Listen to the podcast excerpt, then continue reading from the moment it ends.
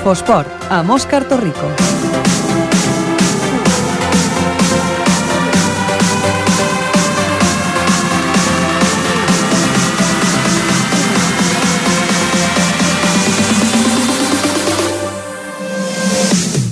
Molt bona tarda, benvinguts a l'Infoesport, el programa on repassem l'actualitat esportiva de Ripollet. Són les 7 i 10 de la tarda d'aquest dilluns 17 de març. En el nostre programa número 24 de la temporada començarem, com sempre, amb el repàs dels marcadors. El marcador.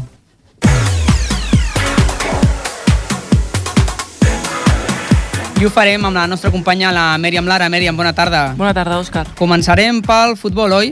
Sí. A la segona catalana. Club de futbol Ripollet 2, Guineueta 3. El Ripollet perd davant un altre rival directe i es complica el somni de l'ascens. Baixem una categoria tercera catalana de futbol. Pajaril 5, la planada 0. El Pajaril es fica la permanència a la butxaca amb una golejada davant el seu màxim rival per mantenir la categoria. Un altre resultat de tercera. Sarrià 3, Escuela Futbol Base Ripollet 2. L'escola planta cara al líder, però suma la tercera derrota en, el, en els últims 5 partits i baixa a la setena posició de la classificació. Baixem fins a la quarta catalana de futbol. Can Mas 0, Fundació Esportiva Grama 4. Sisena derrota consecutiva per al Can Mas, que continua penúltima a la classificació, en la categoria més baixa del futbol amateur.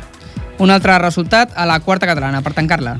Veterans Catalunya 3, Escola Futbol Base Ripollet B 0. Tres gols en contra a la primera mitja hora de partit van sentenciar el, el segon equip de l'escola, que segueixen en la penúltima posició del seu grup. Passem al futbol femení, a la segona catalana. Lourdes 0, Club Futbol Ripollet femení 2. Les ripolletenques sumen la sisena de victòria de la temporada, la tercera com a visitants. I també el resultat de l'Escola Futbol Base. Escola Futbol Base Ripollet 4, Pobilla Casas 5. L'escola cau per segona vegada aquesta temporada davant el líder i se li escapa la possibilitat d'acabar primera la classificació del grup 3. Passem ara al futbol sala, on s'ha ajornat el partit del primer equip del futbol sala Ripollet contra el Montsant. En canvi, sí que ha jugat el segon equip a la divisió d'honor catalana. El futbol sala Ripollet B 3, Cerdanyola Futbol Sala 6. Els ripolletens trenquen una ratxa de 9 partits sense perdre i cauen derrotats contra un rival que lluita per mantenir la categoria. Així es compliquen i molt el repte de l'ascens. Perdona, Esther. Eh, Mèriam, perdó. Passem a la tercera catalana. Inter Ripollet 6, Cerdanyola Futbol Club 0. Cinquena jornada seguida sense perdre per a l'Inter Ripollet, que es manté a 5 punts de distància de la plaça de promoció d'ascens. Futbol sala femení, divisió d'honor. Playas de Salou 2, Can Clos 4. El Can Clos es revenja davant l'equip tarragoní, que està en els jocs de descens, però el va guanyar la primera volta. L'equip de Xavi Peñarando es manté així a la cinquena posició. Passem cap al tenis taula en la versió masculina. Club Tenis Taula Ripollet 6, Vilafranca 0. Miquel Arnau, Raül Porta i Álvaro Barrenche, ba, Barreneche s'imposen amb facilitat i sumen el cinquè triomf consecutiu de l'equip, que segueixen immers en la lluita per entrar a la promoció d'ascens. I un altre resultat, Centre Catòlic Sant 5, Club Tenis Taula Ripollet B1. aquest resultat de la tercera divisió estatal. Una nova derrota fa que el segon equip del tenis taula Ripollet hagi de mirar cap a baix a la classificació. Passem cap al tenis, la Lliga Catalana, al grup A. Club Tenis Ripollet més 18, 5, Club Esportiu Laieta 0. Els ripolletens van sorprendre el quart classificat i sumen la sisena de victòria de la temporada, distanciant-se de la cua de la classificació. També a la Lliga Catalana, amb els veterans en la màxima categoria. Club Tenis Ripollet més 50, 2, Club Tenis Vilanova 3. Els més veterans del tenis taula, ai, del tenis Rip Ripollet segueixen tancant la classificació i cada jornada se'ls complica més la permanència a la màxima categoria. Passem al bàsquet, a la primera catalana masculina. Bàsquet Sitges 61, Club Bàsquet Ripollet 70. Amb aquesta victòria, el primer equip del Ripollet es situa tercer, empatats amb els segons i a només un punt de l'Esparreguera. Passem a la territorial. Luke Estor Gassó 95, Sant Llorenç Mirko Blau 34. El, el Luke Estore no deixa perdre cap oportunitat per tenir els primers llocs i guanyar rotundament contra l'equip QE. Un altre resultat de territorial. Club Esportiu Estucom Tecnokey B 38, Club Ripollet eh, Club Bàsquet Ripollet B 71. Gran partit dels blaus que segueixen mantenint la posició de quarts a la taula i amb oportunitats de seguir pujant. I tanquem els resultats de la territorial amb el segon equip del Gassó. Club Bàsquet Gassó B 75, Club Esportiu La Marina 98. El Gassó B segueixen tenint complicacions per guanyar territorial. Sumen una derrota més en aquesta categoria. A la tercera femenina, marxem cap al bàsquet femení. Club Bàsquet Ripollet femení 71, Bàsquet Club Tecla Sala 50. Molt bon partit de les blaves després d'una ratxa no molt bona. Se segueixen setenes a molts pocs punts de les primeres posicions. Uh -huh. I uh, un altre resultat? Bàsquet femení Ripollet 59, Unió Esportiva Sant Graviel Viladecans 51. El primer equip del Gassó torna a guanyar i es posiciona en cinquenes, empatades amb les quartes i a quatre victòries del bàsquet Llor, les primeres. Mm, M'havies agafat despistat, eh, Mèria? Passem a l'handbol ara. Club Handbol Parets B29, Club Handbol Ripollet 45. Amb un partit menys, el, el Handbol Ripollet es situa en segons, a tres victòries del Handbol Bordil C. I passem ara a l'hoquei patins. Club Hoquei Patins 8, Club Patinatge Monjos 5. El Ripollet segueixen amb una ratxa de victòries que el situen tercers a la taula. Amb un punt, amb un, a un punt del Club Patinatge Valls hi ha 5 del Club Esportiu Molins de Rei. Passem ara al patinatge. El patinador Alejandro García, subcampió d'Espanya de la categoria juvenil masculí, es va endur la medalla d'or en, la, en la seva categoria. De, de, del trofeu, l'oportunitat que tenia lloc a Pamplona amb representats de tot l'estat espanyol. I tancarem aquest repàs dels marcadors amb un altre resultat de base, en aquest cas d'atletisme. La ripolletenca Paula Carmona va classificar-se vuitena al Campionat d'Espanya, en categoria cadet 3.000 metres a pista coberta. Doncs moltes gràcies, Mèriam. Anem ara a, pel menú del que tenim per endinsar-nos una miqueta més en, en alguns d'aquests resultats. L'equip de la setmana. L'equip de la setmana.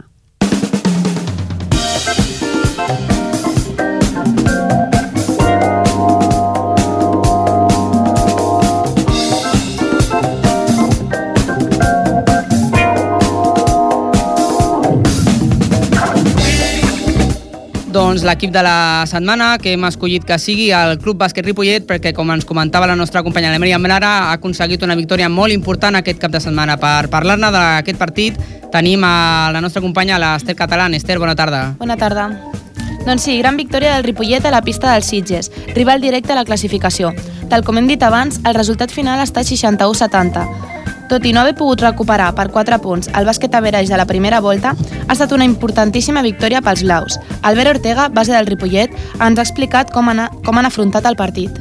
Partit difícil el d'avui, vale? contra un rival contra un rival directe on, on intentàvem distanciar-nos i no despenjar-nos d'aquesta lluita per estar entre els de dalt i de la mateixa forma que fer que es despengessin ells. No?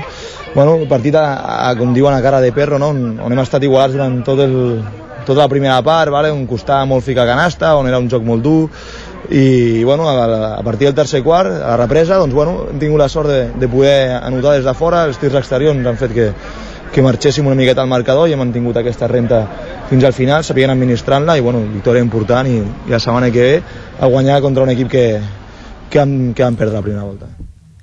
El primer quart comença de manera lenta. El Sitges marca el ritme, amb un joc més estàtic i aprofitant els seus interiors.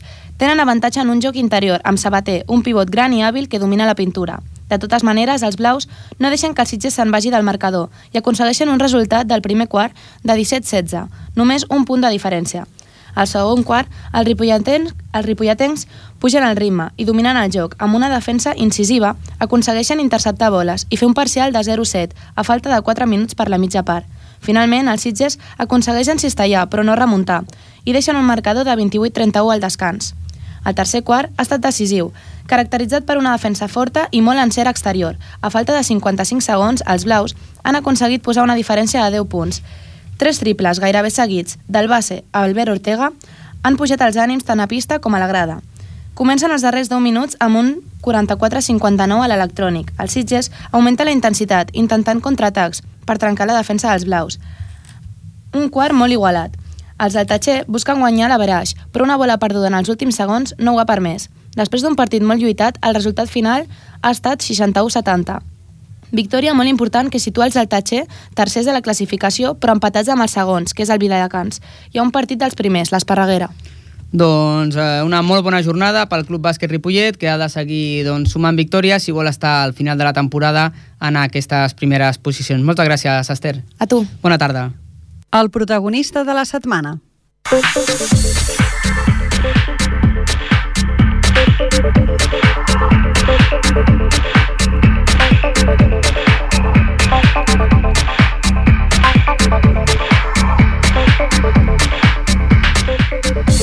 Doncs el protagonista de la setmana, eh, pensem que ha estat la Marató de Barcelona, que aquest cap de setmana doncs, era una cita molt important i que ha tret a, a molta gent de, d'aquests voltants de Barcelona, fins i tot d'aquí de, de Ripollet també, i per això volíem que algú que hi ha participat ens expliqués una mica les seves sensacions, com ho, com ho ha viscut. El nostre company Ferran Rigat està aquí, bona tarda. Bona tarda, doncs així és, Òscar, hem, hem buscat algú que hagués participat a la, a la ter, ter, eh, la trentena. Trentena, no, bueno. 34, la mm, edició número 34, Uh, una, I destacar que aquesta marató és una de les més importants que hi ha al món actualment.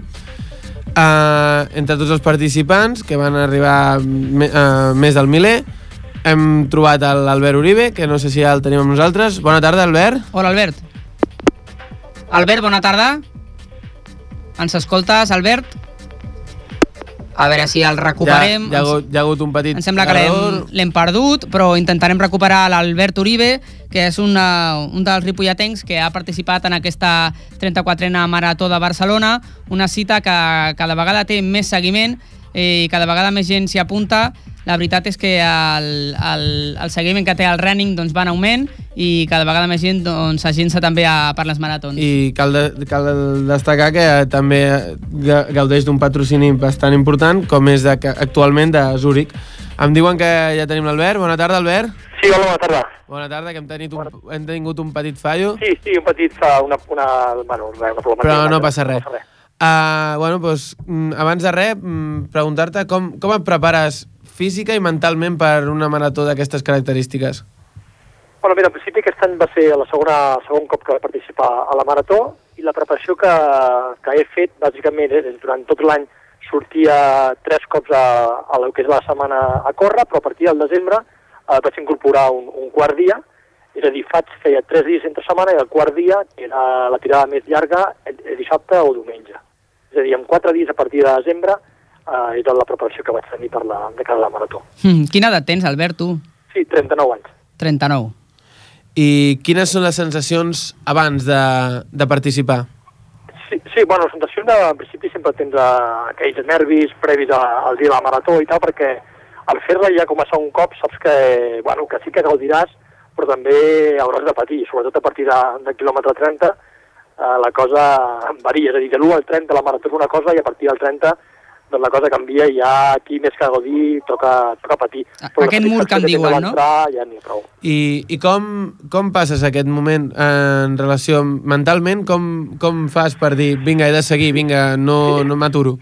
Sí, fixa't, ahir va ser un dia dur, especialment dur pel tema de la climatologia, vam estar uh -huh. gairebé a 27 graus, i, bueno, la cosa va ser, bàsicament és, és molt el tema, tema mental, i no sé, hi ha diferents estratègies, doncs no pensar massa o pensar en alguna amb alguna edició, amb alguna cosa positiva que et faci tirar endavant, o tot això són petits trucs que tenim perquè, perquè la cosa sigui una mica, una mica més lleugera, tot i que, que és complicada. També t'he de dir que aquest any, al quilòmetre 37, vaig fer amb un company meu i va entrar, va entrar a la cursa amb mi i, i va anar bé perquè em van animant fins a arribar fins al final. Mm -hmm. I llavors, un cop feta la marató, quines són les sensacions després? Perquè, si no m'equivoco, vas fer 3 hores i 49 minuts. Sí, sí, sí. sí que mm, comparant-ho amb el primer, que és un, ja és professional i tal, són 2 hores 10, no és, sí. són unes, uns números molt bons. Bueno, sí, el que bàsicament el que tenen en compte que hi ha com dos grups no, d'atletes, uns atletes que diríem que són els atletes com professionals, mm -hmm. no, que es dediquen a això, i després hi ha la resta d'atletes que són eh, com més populars, i en el meu cas, doncs, això, no, que limito a entrenar doncs, 3 o 4 cops a, a la setmana i per tant suposo que aquí més que nosaltres més que competim ningú competim amb nosaltres mateixos mm -hmm. no? i el fet de, sí, sí. de bàsicament l'objectiu meu era que no? doncs baixar una mica del 3.52 de l'any passat acabar sense caminar ni moment sempre anar corrent i que l'endemà, doncs, un dia com avui, doncs es puguin anar a treballar en unes condicions més o menys òptimes. Mm, perquè, a més, clar, el dia següent has d'anar a treballar. Un això corredor mateix, professional es pot anar a recuperar ah, el fisio, no sé què tal, però els populars no. Clar clar, segurament han tingut avui sessió de bany i massatge i nosaltres no, no n'hem tingut, no? Clar, mm. clar. I, però, bueno, la, sobretot també el que, el que voldria dir a la gent que ens escolti això, que, mm -hmm. que una cosa és córrer cursos populars, aquestes de 10, i fins i tot diria mitges maratons. Sí, això t'anava a preguntar. Sí, sí. Una marató és una cosa difícil, per tant, eh, la gent que vulgui fer, sobretot que, que s'esperi, vull dir que no, no té pressa, que pot preparar un any, em fa gràcia a vegades que veig alguna revista, prepari en quatre mesos una marató. Jo crec que és exagerat, jo crec mm. que primer és un procés llarg, sobretot molta, moltíssima constància, uns hàbits alimentaris bons i bueno, una preparació mínima per, sabent que patirem a la marató, però com a mínim l'objectiu també és no fer-se mal. Mm, tu imagino que, que portes molts anys fent curses populars. Sí, sí, però fixa't, jo vaig fer, la, jo ara porto més o menys uns 6 anys corrent i la primera mm. cursa vaig trigar gairebé un any i mig a fer-ne, eh? i començar com molt gradualment. Mm. vam fer clar. primer una de 5, després una de 10, després moltes de 10, Mm. després una mitja, i quan ja portava això 5 anys vaig fer la primera marató. Per tant, Mhm. jo crec que, que no s'ha de córrer massa, sinó s'ha d'anar pas a pas, mica en mica, i, i crec que el que fa que podem gaudir de, de la marató i de- i d'aquest esport. Cremant etapes. Això mateix, m'ha etapes caríssima i sense, sense, en aquest cas, sense córrer més del compte. I per la gent que s'està repensant això de començar eh, de, de, i participar, eh, es- aquest tipus de maratons mm, hi ha un gran, num, un gran nivell de professionalització de gent que va, va córrer a guanyar-la o, és, Bueno, o ha també, diguem, mig i mig? Sí, tu, tu jo que sé, si mires avui la classificació veus que el sembla que el primer català que hi havia era el número 10, la resta són etíops, canians mm -hmm. i marroquins, no? els primers 10 que, que trobem, i després també si es mira, eh, des del 3 i mig, 3.15, 3.45, 4 és on entra tot el gruix, bàsicament, de, de la marató. Per tant, jo crec que puguin guanyar aquesta cursa n'hi havia 4 o 5 i entre ells han anat dividint una miqueta el temps. La resta ja seria molt clar que el que competien eren contra nosaltres mateixos, no contra, contra ningú altre. Uh, va, saps qui, en quina posició vas quedar, per, per Sí, curiositat? sembla que el 5.900, més o menys, 5.900. aproximadament. Sembla, Hi havia 17.000, per tant van córrer 14-15.000. Per tant, el 5.000, i sobretot m'agrada perquè allò que vaig mirar una mica la classificació i vaig veient que vaig anar avançant mica en mica, que també era un objectiu, començar una primera mitja marató conservadora i la segona, doncs, doncs disfrutar-la, tot i que us avanço que ahir amb la calor, els últims quilòmetres, més que disfrutar vaig patir. Bueno, des d'aquí mm, felicitar-te, Gràcies, a- merci. agrair-te que ens hagis Gràcies. atès Oh, cap problema, molt, molt agraït. i que seguissis això, mm, batent a tu mateix. I gaudint, gaudint Eh, sobretot. sí, gal- gaudint, gaudint això era el màxim i a la, vaig llegir també una vegada, no? que a vegades si, si entrenes molt, molt, molt per una marató, el problema que pot haver-hi que ni la comencis a, a fer per tenir una sobre, sobrecàrrega, Sí. no? I això era que també vull que, que la gent sàpiga que sobretot una marató és diferent a altres curses i s'ha de tenir bastant, bastant clar això. Doncs moltes gràcies, Albert Uribe. Molt bé, Sort, doncs ens a veiem. vosaltres per, per aquest programa. Gràcies i felicitats. Adéu. Adéu, merci, adéu, adéu. Febre d'esport.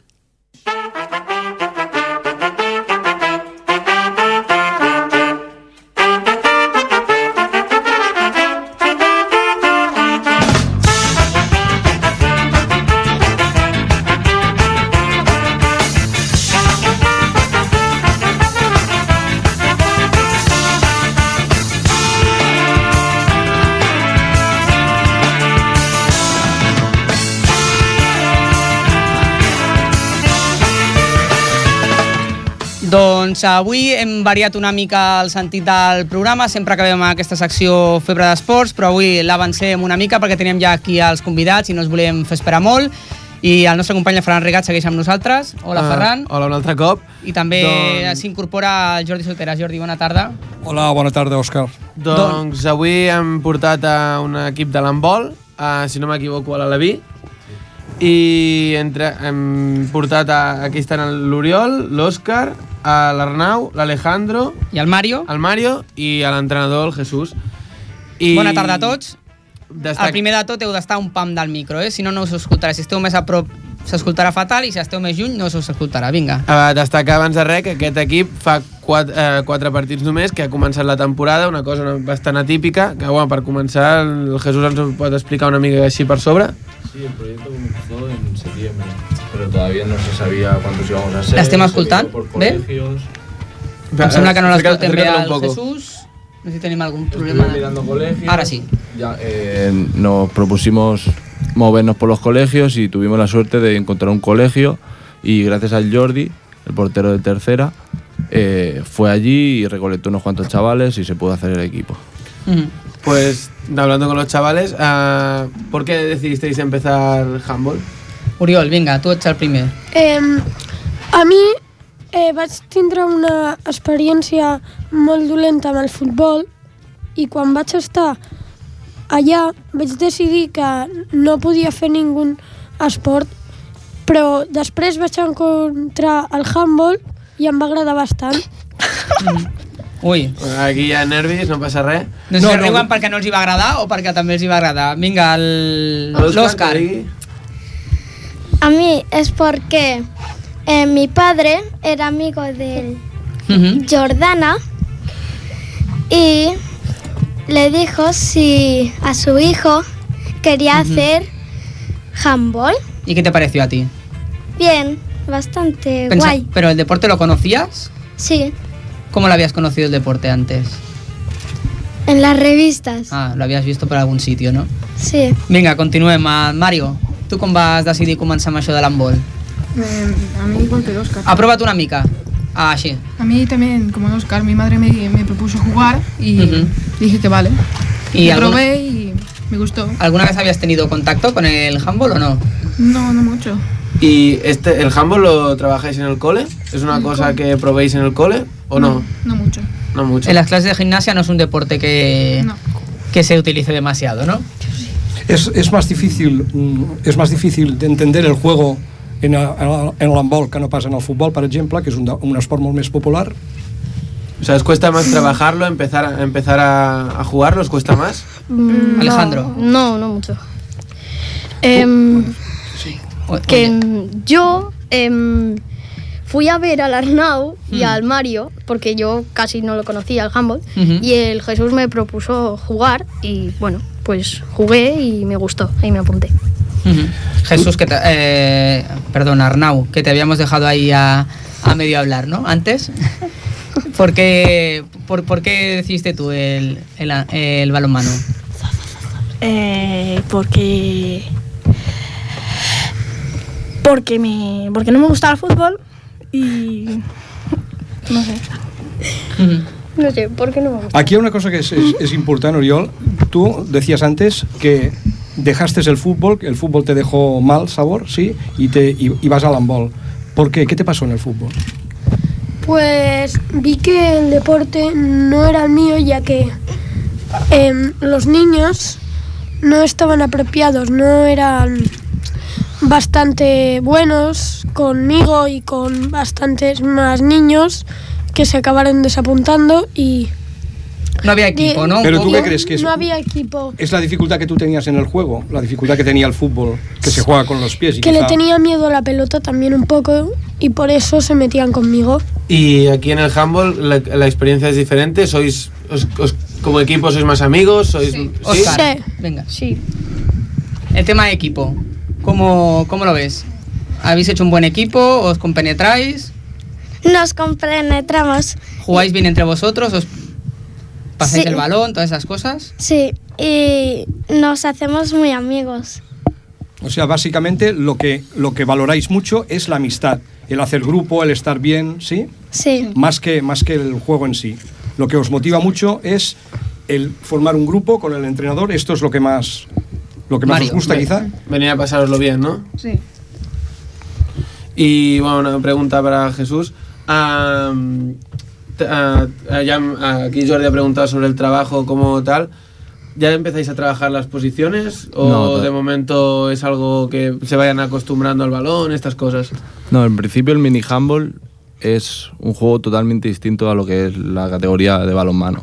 Porque es ro- rollo calle- eh, callejero de perseguir cada uno a uno, no es el balonmano puro de posicionamiento y trabajar eso. Aquí lo que se intenta trabajar es que los chavales disfruten, que se lo pasen bien y que entrenen y que aprendan un deporte. No que ahora mismo como el, como el fútbol, que ya están desde pequeños intentando que ya sean buenos desde el principio. Y lo que importa ahora mismo es que se lo pasen bien y disfruten. Entonces, ¿qué es lo que trabajáis, digamos? Ahora mismo lo que se trabaja es eh, los pasos, los tres pasos, el botar, el lanzar. Es que básicamente ahora mismo lo único que se enseña es eso. Mm, Porque ¿y si no tienes eso, no puedes hacer balonmano. Alejandro, ¿cómo se lleva eso? La coordinación de los pasos, el bote y todo esto. Bien, sí, es más o menos es fácil. Una vez que, mm, no sé, que lo pillas, ya... ¿Cómo lo explicarías tú? Mm, ¿Un poco complicado, quizá? no, no es muy complicado, es más bien fácil. Primero te cuesta un poco, pero luego ya es muy fácil. Y. Arnau, ¿qué- a ti, por ejemplo, ¿qué es lo que más te cuesta de, en general? Mm, Los tres pasos. Los tres pasos. Porque muchas veces me paso. ¿Quién podría explicar qué son los tres pasos? Yo, que soy de fútbol, no lo sé. ¿Quién me explica? Explica tú. Uriol. Em, los tres pasos es antes de entrar al área. A mí también me cuesta un poco cumplirlo, pero antes de entrar al área, porque si pisas el área em, no te cuentan como gol y es una falta, tienes que dar tres pasos para poder saltar y meter el gol. ¿Estáis de acuerdo todos? Bien, ¿lo ha explicado bien? o- Sí, pero lo que es ¿Lo habéis curioso e importante es que cuesta entenderlo, ¿no? Y esto, bueno, pues poco a poco, Porque no es un equipo deporte fácil. de iniciación, es un deporte Es un deporte complicado de aprender. Claro. No es igual que el fútbol, Sí, ni puede sí. ser, o es como el baloncesto, que también es un deporte más difícil. más difícil, claro. El Por eso es un del- en el fútbol complicado. entiende todo el mundo y en básquet y en handball es mucho más complicado. ¿Cre- ¿Crees que eso también es porque es un deporte menos, menos solicitado, menos... Hombre, eso está claro, es un deporte menos solicitado. El balonmano no es lo que sale por la televisión ni lo que sale cada día. Lo que sale cada día es el fútbol y lo que interesa a los niños, en el cole, todo lo que se enseña, no, no se relaciona al deporte. Lo que cada vez ellos pueden ver más, más balonmano. Es decir, hay, hoy dan hasta balonmano femenino. ¿Vosotros veis quién, quién ve balonmano en, en televisión? ¿Tú ves? ¿Sí? Yo a veces. Sí, sí, bueno, ahí podéis ver perfectamente lo de los tres pasos. ¿no? ¿Y en internet? ¿Habéis entrado a internet, a YouTube y a esto a ver si hay alguna... para si aprendéis algo o todavía eso es pronto? Es muy profesional eso. Bueno, no, Yo no aún es que no. haya muchos vídeos tampoco, ¿eh? Pero ¿a Bueno. quién de los cinco a quién le apasiona el, el, el balonmano? A mí más o menos. A ti te apasiona aquello, me gusta. Es decir, para que, para que uno vaya bien, lo que tiene que hacer es apasionarse. ¿Sabes lo que quiere decir apasionarse? Pero primero tienes Sí, que aprender. Sí, lo- sí, sí, bueno, primero, pero sí, cuando más te apasionas, más, más aprenderás, esto es evidente. ¿Quién se apasiona mucho de los cinco? A mí me gusta mucho el handball. ¿Sí? ¿Ves? ¿Ves? Les Es gusta, que les gusta a todos, con lo cual le aseguramos a Jesús que, que tiene aquí Ahí está. materia para que puedan ir a- aprendiendo. Porque él, él va a estar, él va a estar motivadísimo si vosotros os ven motivados. Él es fruto de lo que vosotros, si él ve en vosotros un grupo de tíos que va, él va a 100. Pues Sí. después de las recomendaciones de Jordi... Esto de- también es que te guste. Si no te gusta, Claro. vale, Pues eso, de vamos. aquí, y aquí Esperamos a todos, que- a todos os gusta. Que os siga gustando mucho y que disfrutéis mucho co- con, el balonmano. Y dentro de un tiempo nos lo venís a contar todo lo que habéis aprendido. Muchas gracias a Muchas todos por estar gracias. aquí. A vosotros. Gracias, Jesús. Gracias al Club de Handball. Futbol.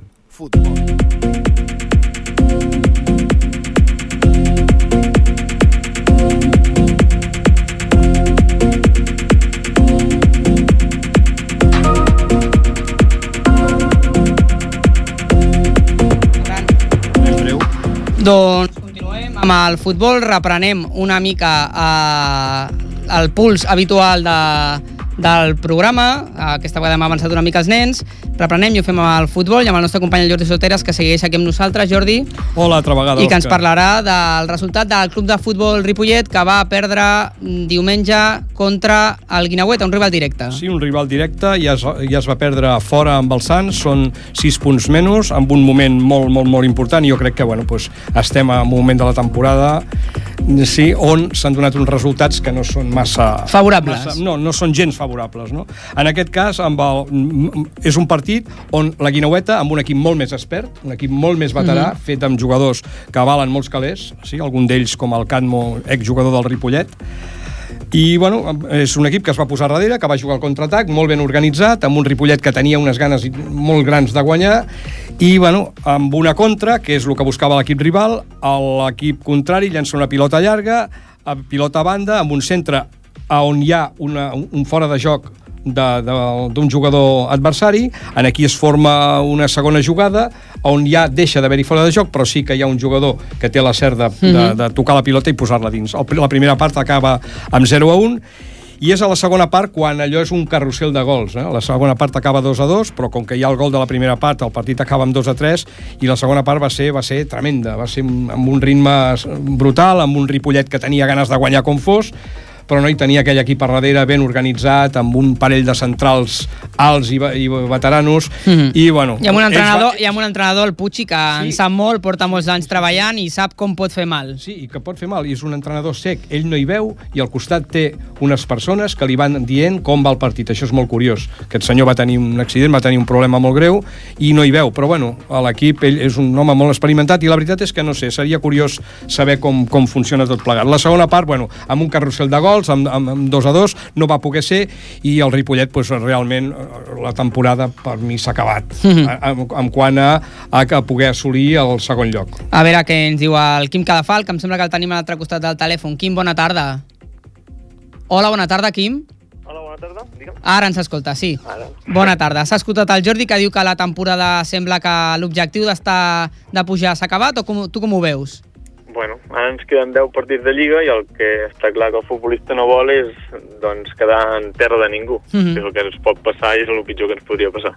Uh, com, hola, bona, bona tarda, Quim, Bona què tal? tarda. Uh, com vas viure el partit d'ahir, sobretot a la segona part, quan veus que el partit uh, no el guanyeu? Bueno, va ser un partit d'allò que te'n vas amb molt mal sabor de boca a casa, que te'n vas... Um... Hola? Sí, sí, Sí, et, sí, sí, sento, et, sentim, et sentim perfectament, Quim. Doncs que això, que te'n vas dient, bueno, que l'equip ha jugat bé, tal i qual, i pels petits detalls, doncs, ens van escapar tres punts molt importants. Quins, quins són per tu aquests petits detalls? Bueno, no vam, potser no vam saber, el, a l'hora d'atacar no vam saber implantar la velocitat necessària al final i en defensa vam cometre entre nosaltres i algun error arbitral, doncs no vam ser capaços de mantenir la porteria a zero o amb menys gols. Que també jo crec que és important. Quim, com enfoques al final de temporada veient que la posició de promoció no s'assolirà? Penso jo, eh? Ojalà, ojalà, jo per mi no s'assolirà, però això potser és un motiu perquè vosaltres dieu aquest tio eh, s'ha passat i foteu un cop a la taula i guanyeu els partits que queden. Com ho No, enfoques? jo crec que falten 10 partits de Lliga i el que és molt important és que nosaltres som el Ripollet i el que tinc de fer és defensar i intentar guanyar tots els partits que falten per arribar aquí al final. Ah. I després ja dirà el temps. Sí, sí, clar, clar. Com valores el fet de que l'entrenador estigués expulsat i no pogués dirigir el partit, Quim? Que ja ha estat cinc partits expulsats, eh? Recordem que el David, doncs, no sé si li ha estat costant l'adaptació una mica en aquesta categoria o bueno, que a vegades doncs, es donen circumstàncies que, que no controles. Però com ho valores, Quim, això? Que, el, que Bueno. l'entrenador estés allà pu- eh, per, per allà dins sense poder estar fora dirigint. El que està clar és que no tindre l'entrenador és una cosa negativa, està clar això, però bueno, també si han... jo crec que no és l'adaptació del David, sinó bueno, circumstàncies que els àrbits et prenen la matrícula i que per una cosa o per altra doncs acabes expulsat. jo parlava de la- l'adaptació del David perquè bueno, és un tècnic amb molta força i tal, venia d'unes altres categories diferents, d'entrenar eh, no, a, no als ama amateurs eh, i potser en aquestes categories doncs, els àrbitres estan més a sobre i això, et, et prenen el, el carnet ràpidament, no, Jordi? Sí, bueno, el, el que passa trobo jo que és, clar, en el moment en què tu estàs molt pendent de la- de la- de l'arbitratge, la, de dels línies i tot plegat, sí que perds la visió del que és el partit, que és potser lo important, no? Però bueno, això cada entrenador i sobretot quan estàs allà a la banqueta, la, la feina és teva. A veure, pregunta important per la gent que ens sent. Estem a la recta final de la temporada, Quim. Com està la teva continuïtat al Club de Futbol Ripollet? I així seria doncs, amb els altres jugadors, no? Bueno, ara falten 10 jornades d'aquí al final i jo, està clar que jo aquí al Ripollet estic molt bé.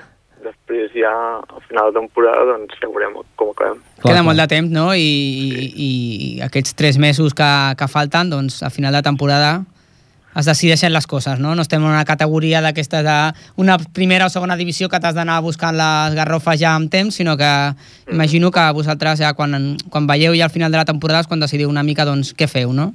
Sí, sí. El que clar és que volem acabar bé la temporada i després el temps, bueno, o- ja dirà la situació, ja veurem com està. De totes formes, m'imagino que si, si sortís un, un, una un primera catalana o una tercera, evidentment seguiries... eh, És dir, Bueno, no sé, tot és valorar jo tinc molt... Jo la veritat que la meva experiència aquí al Ripollet, de moment, al Ripollet de moment ha sigut um, immillorable, diria jo, a nivell de club, Humà?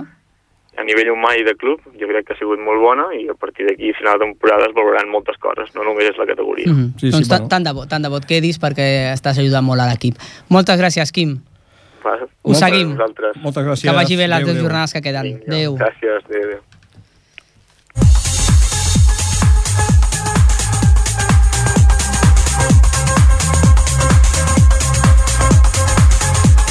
Doncs continu- continuarem repassant el futbol. En aquest cas baixarem una nova categoria per sota a la tercera divisió catalana, on el Pajaril, la penya deportiva Pajaril, ha aconseguit aquesta setmana un triomf molt important. Ha aconseguit guanyar per 5 a 0 a la Planada, que és el rival, l'equip que marcava la zona de descens. Els gols de Minuesa, dos gols a la primera part i després a la segona part van marcar el Sergio Leros i el Fran Serrano. Aquest 5 a 0 que permet a l'equip de Javier Valela doncs sembla que definitivament deixar de patir perquè ja tindrà 10 punts per sobre de la planada d'aquest equip que, com dèiem, està marcant el que seria el descens a la quarta catalana. Penso que tenim a l'altre costat del telèfon a un dels jugadors del Pajaril, l'Adan Sol. Adan. No, tenim un, aquí un, un so que no és la Sola. Però bueno, ho intentarem una altra vegada. Avui no ens està ajudant el telèfon, eh?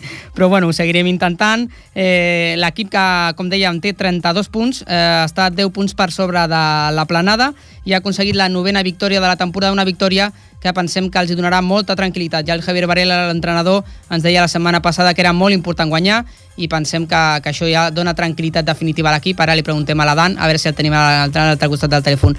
Adan, buenas tardes. Hola, buenas tardes. Ahora sí. Antes no te oíamos. Eh, ¿Esto da definitivamente la tranquilidad que necesitaba el equipo, estar ya a 10 puntos por encima del descenso? Mm, bueno, eh, la liga sigue siendo muy larga, aún quedan muchos partidos y no podemos conformarnos solo con la permanencia, hay que mirar un poco más hacia arriba. Tenemos el octavo a un punto y tenemos que seguir ganando para seguir subiendo. De todas maneras, pues el ascenso es, imposible, ¿no? Prácticamente, porque hay un par de equipos que, han empezado muy, muy fuerte y han mantenido el ritmo durante toda la temporada. Eh, vosotros, mm, ¿qué sensación os queda ahora? ¿Cómo, ¿Cómo estáis después de quitaros un poco esa presión de tener que estar mirando hacia abajo en la clasificación? Sí, bueno, es importante saber que vamos alejando los puestos del descenso, pero claro, a nosotros nos interesaría siempre mirar hacia adelante para no dejarnos una, para no quedarnos un poco estables, ¿sabes? Uh -huh. Están quedados ahí en tierra de nadie, ¿no? Correcto, que si nos quedamos en tierra de nadie, el equipo afloja y la complacencia no es buena. No es bueno, no es bueno, ¿no? Porque, porque si se empieza a perder más puntos, mmm, puede haber peligro otra vez, ¿crees? Sí, esta liga, los, los trabajos están ganando muchos partidos, están sacando muchos puntos y te duermes dos o tres partidos y te vuelves a caer otra vez en la, en la cola de abajo. El equipo lleva tres partidos seguidos sin perder, dos victorias consecutivas. ¿Qué crees que, que, ha cambiado en el equipo? ¿Por qué crees que están llegando ahora los resultados? Bueno, esto es un trabajo de todo el año. Lo que pasa es que ahora estamos recogiendo los frutos de, de tanto trabajo y tanto uh -huh. esfuerzo. Y bueno, yo creo que es un poco más de, de que ahora nos está viniendo la suerte un poco de cara y estamos recogiendo todo lo que hemos trabajado hasta ahora. También las lesiones durante una parte de la temporada pues complicaron un poco la situación al equipo, ¿no? Sí, hemos tenido muchas bajas importantes este año y ahora parece ser que vamos recuperando poco a poco a la gente y podemos mirar un poco más hacia, hacia trabajar un poco más en grupo y poder tirar hacia adelante todos. Este trabajo más en grupo que comentas, tú que, que estás atrás, eh, ¿está ayudando al tema defensivo, que a lo mejor al principio de la temporada pues costaba un poco más? Sí que hemos estado un poco a principio de temporada encajando goles muy fáciles y muy tontos, y ahora defensivamente el equipo está muy bien, está presionando muy bien arriba, estamos dejando pocos espacios de atrás y eso también nos está viendo a estar un poco más tranquilo en la parte defensiva. Uh -huh. eh, ¿Cuál es el objetivo? Nos comentabas que, que, no queréis quedaros ahí en tierra de nadie, pero ¿cómo se gestiona esto al estar tan lejos de, de las plazas de arriba? Bueno, se gestiona teniendo un objetivo un poco a corto plazo. Uh -huh. Necesitamos ganar partidos para ir cogiendo a la gente de arriba y siempre ir cogiendo al, al, que tenemos por encima. Uh -huh. Pasito a paso. Pasito a pasito y, y tirando hacia adelante. Pues ojalá que, que, sigáis ahí mirando hacia arriba y que ya definitivamente dejéis atrás eh, esos puestos de abajo que durante la temporada pues han creado incertidumbre, ¿no? Y yo creo que, que es importante, ¿no? Que, que, ya podéis tener esa tranquilidad, ¿no? Y que seguro que el juego pues va a ser más fácil, ¿no? Para, para que podáis desarrollar vosotros el juego con más tranquilidad. Sí, quitando un poco de presión lo que viene siendo la parte de atrás de la, de la clasificación, uh -huh. el equipo juega más tranquilo y, y podemos jugar mejor todavía incluso. Pues ojalá que lleguen muchas victorias o seguiremos cada semana. Gracias, Adán. Muchas gracias. Adán Sola, muchas gracias por, por concedernos la entrevista.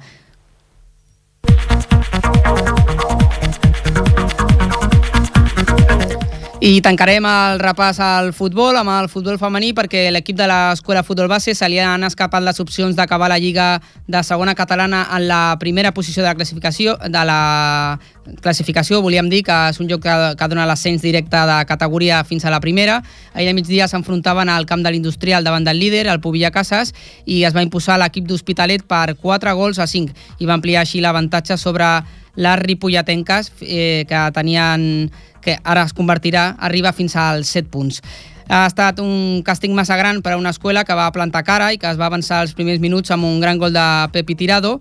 A més, eh, l'equip va saber respondre bé a l'empat visitant, que va ser al minut 24, perquè en una contra magnífica, la Raquel Corral, eh, de la Raquel Corral volíem dir que va ser culminada per la Pepi amb el seu segon gol. Eh, tot i que l'equip no tenia la fluidesa d'altres dies, eh, era pràctic de cara a porteria, però la sort eh, se li va girar en contra en el darrer tram del primer temps, amb un penal molt rigorós, que la portera Loli no va poder parar, i amb un gol en pròpia porta a la sortida d'un córner, que deixava el 2 a 3 al descans, per tant, l'avantatge per al Pubilla Casas. L'equip doncs, va sortir molt fort a la segona part una altra vegada, en 100 minuts la Raquel Corral ja li havia donat la volta al resultat amb dos gols, un gol de, de picardia, robant la pilota a la defensa visitant a l'àrea petita i un altre gol combinant una magnífica passada de 40 metres de la Sarai, d'aquestes passades que ens té acostumat la, la jugadora. Uh, anar per sota vas per una, vas per una prova al líder que va tornar a començar a dominar més el joc, l'escola es movia bé en els espais però no va trobar el gol de la sentència i davant un equip que havia perdut només un partit en tota la temporada, per donar no, no estava permès i així que el Pubià Casas al final doncs, es va imposar amb dos gols, de nou en un córner va marcar al minut 73, al 4-4 i tot i que la Raquel va tenir a les seves botes un parell d'ocasions que podien haver decantat la balança per a les locals, doncs finalment eh, van ser les visitants les que van marcar, acabar marcant perdó, al minut 89. Amb la decepció pel gran esforç sense recompensa, algunes jugadores doncs, van declinar parlar per nosaltres, però la Pepi Tirado, que sap entendre que s'ha d'estar a les dures i a les madures, doncs es va exposar com havia vist el partit, quines, havia, quines creia que havien estat les claus de, del duel. La primera parte, creo que por parte del Ripollet había dos bloques, uno era la defensa y otro era la delantera. No teníamos medio y yo creo que por ahí ellas han jugado bastante la primera parte ahí en el medio y lo hemos perdido. La segunda parte hemos conseguido meter un par de medias mejores que tocan más el balón, pero claro, ha sido insuficiente. Sí, te iba a decir que una pena ahí en el último minuto de la primera parte ese autogol, ¿no? Que les daba otra vez ventajas a, a ellas, pese a todo, os habéis repuesto muy bien en la segunda mitad, habéis, empe habéis empezado de nuevo muy fuertes. Sí, porque me parece que ha sido el minuto 3, eh, Raquel ha robado un balón, nada, a dos metros del área, una pérdida de una defensa, y nos hemos puesto con el 3-3, entonces bueno, habíamos equilibrado otra vez las fuerzas, pero no ha podido ser. Eh, ahora la verdad es que os quedáis en una situación difícil, ¿no? Porque ya se escapan ellas, eh, líderes 7 puntos, va a ser demasiado difícil recuperar esa primera posición, conseguirla va a ser muy difícil, ¿no? Sí, ahora ya sí, porque además mirando el calendario ellas tienen mejores, eh, mejores partidos con equipos más asequibles. Nosotros aún tenemos que jugar con el mercantil, tenemos que jugar con el... el que no me acuerdo. El de Granollers. El Finsove. El Finsove, perdón. Y claro, son partidos más complicados que por supuesto que tenemos un equipazo para poder ganarles, pero bueno, son más complicados que los de ellas. Será un poco la lucha central, la lucha en la segunda plaza, que solo suben los dos mejores segundos y ahora en este momento tampoco estaríais porque seríais los terceros, es decir, que tenéis que estar mirando a otros grupos y no fallar más, ¿no? De aquí a final de temporada. No, no, estos dos partidos que tienen que venir a casa, tanto el Mercantil como el Finsove, bueno, es que no podemos fallar más, o sea, hay que ganarlos todos, esos serán complicados, pero estoy convencida que lo conseguiremos. Este ya. equipo es el Pubillas, aparte hoy han venido con, con chicas de un, de un, del equipo de, me parece que son juveniles, o sea, han traído chicas que normalmente no juegan, o sea, sabían a lo que venían y está claro que este no es el Pubilla que está jugando la liga todos los partidos, uh -huh. pero bueno. Con, tenéis ánimos, ¿no? De todas maneras, para creéis que, que, podéis, que podéis estar ahí. Y tanto, por lo menos un buen, uh, o sea, quedar segundas y estar uh, intentando llegar a subir a primera, porque seamos de las mejores segundas, seguro. Ya para acabar, la afición, ¿cómo lo has visto hoy? Mucha gente, ¿no? ¿Estáis contentas de que, de que la gente pues se anime a venir a veros? Y tanto, no, no, esto es fantástico. Mirar a la grada y ver que la gente está ahí con nosotras, que vienen con sus tambores, sus silbatos, sus pitos. Maravilloso. Además, ya ha hecho un día fantástico, lo que ha motivado que viniera más gente. Un montón de amigas que también teníamos de amigos, o sea que muy bien, la afición de, del Ripollet, muy bien. Pues muchas gracias, sobre todo suerte para seguir luchando ahí, la, los máximos goleadores que estás ahí luchando. a ver, llevo dos, ahora no sé ni cómo estoy, ¿eh? Sinceramente lo tengo que mirar, pero bueno, sí, a ver si los goles sirven para que podamos conseguir subir. Muchas gracias, Pepi. Gracias a ti. Doncs l'equip que està segon i haurà de mantenir, de preservar aquesta segona posició i seguir sumant el màxim de punts, perquè, com dèiem, ara hi ha per davant d'ells altres dos segons amb un millor bagatge, per tant, han perdut una guerra, però no la batalla, i queden jornades per seguir lluitant. I acabarem amb el repàs del que ha donat de si el, la victòria del Club Hoquei Ripollet aquesta setmana que ens explica el nostre company, el Marc Mata. Bona tarda, Òscar. I diumenge a la tarda el Club Hoquei Ripollet es va enfrontar al pavelló Joan Creus de Ripollet contra el Club Patins Monjos amb un contundent marcador final de 8 a 5. Va ser un partit dominat de principi a final per l'equip ripolletenc. A la primera part, tot comença pressionant l'equip local, va ser l'equip dels Monjos qui va estrenar el marcador amb una jugada. Als 4 minuts del partit, sorprenentment ràpida de contracop i en un refús del porter local. Després de molt insistir i de moltíssimes oportunitats aturades del porter visitant, va arribar el primer gol ripolletenc en el minut 9.34. Al minut 14, en, en Pol Vallès, jugador local, per una jugada antiesportiva va ser expulsat durant dos minuts i l'equip local va ser castigat amb un penal aturat per l'Eloi, el porter local.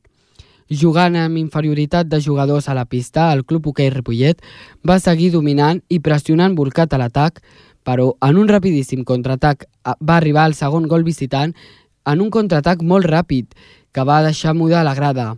És als últims minuts de la primera part quan la pressió i domini del Club Hoquei Ripollet es va convertir en tres gols consecutius en jugades molt treballades de tot l'equip, dos del Nil Figueres i un tercer d'en Lluís Muñoz. Al minut 23-6 va arribar el cinquè gol local marcat pel Jorge. La primera part va acabar amb un marcador 5 a 2. La segona part va continuar dominada per l'equip de Ripollet, així als 40 segons de l'inici va arribar el sisè gol ripolletenc, marcat pel Jordi Mestres. El setè gol va arribar en el minut 3-10. Va haver un penal a favor de l'equip de Ripollet aturat pel porter visitant. En aquest moment, l'equip visitant va aprofitar de la relaxació dels locals amb un marcador 7 a 2 per pressionar a mitja pista i jugar amb ràpids contracops.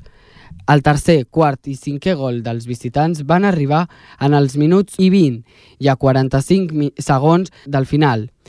En un cop d'autoritat i domini del club hoquei Ripollet, en els últims segons del partit van, van marcar el vuitè i últim gol de partit, marcat pel Jordi Mestres. Quan va acabar el partit, vam poder parlar amb el Nil Figueres i això és el que ens va dir. Han començat el primer guanyant els monjos, però després heu acabat guanyant vosaltres, no? Suposo que contents. Sí, la veritat és que era un, un partit important perquè havíem de seguir a dalt i bueno, el partit ha començat complicat, però a mi d'anar jugant nosaltres i trobar-nos bé a la pista, doncs hem aconseguit al final guanyar. T'ha semblat un partit fàcil o no? No, la veritat és que eren, eren un rival molt fort, jugaven molt bé, però nosaltres hem mantingut la pilota, hem sabut jugar i les ocasions han arribat i hem estat encertats i, i al final ha sortit bé. La setmana vinent us enfronteu als, a un equip que van als segons, que és el Baix. Com el veieu amb el que us porteu 4 punts? Sí, és, és un partit complicat, els que ens queden encara són, són complicats i hem de guanyar-los tots i bueno, esperem la setmana que ve que ens surti també bé el partit i, i a jugar que, i confiar en el nostre joc. I d'aquí 15 dies us enfronteu als líders aquí a casa. Com, a, com ho veieu? Bueno, ja estem, estem amb aquest partit al cap, estem treballant, estem entrenant i bueno, eh, igual és un partit molt complicat, és un partit que hem d'intentar fer el nostre joc i, i donar-ho tot. Hem de dir que l'entrenador s'ha tornat a calçar els patins de nou perquè l'equip va molt just d'efectius després de tenir dues baixes. El club hoquei Ripollet es manté en la lluita per l'ascens i que amb la victòria ha escalat un joc a la classificació fins a la tercera posició i ara és només, és a només un punt del Baix que té, que té, però, un partit menys disputat i que serà el seu proper rival. Doncs moltes gràcies, Marc. Eh, com deia el Marc, doncs és eh, una victòria molt important pel Club Hoquei Ripollet i que, que està tercer i que està només un punt del Valls, el seu propi rival, que no juga aquesta setmana, sinó la següent, i la, aquesta setmana descansa l'equip, i d'aquí a dues setmanes contra el líder, el Molins de Rei, aquests dos partits són vitals per decidir al final de la temporada, per decidir si estaran entre les dues primeres posicions que pugen de categoria.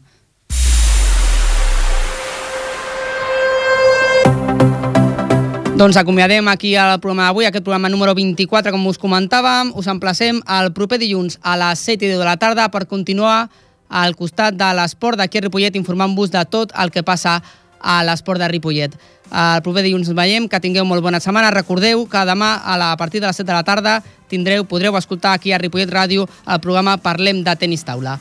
Molt bona setmana. Ens veiem dilluns.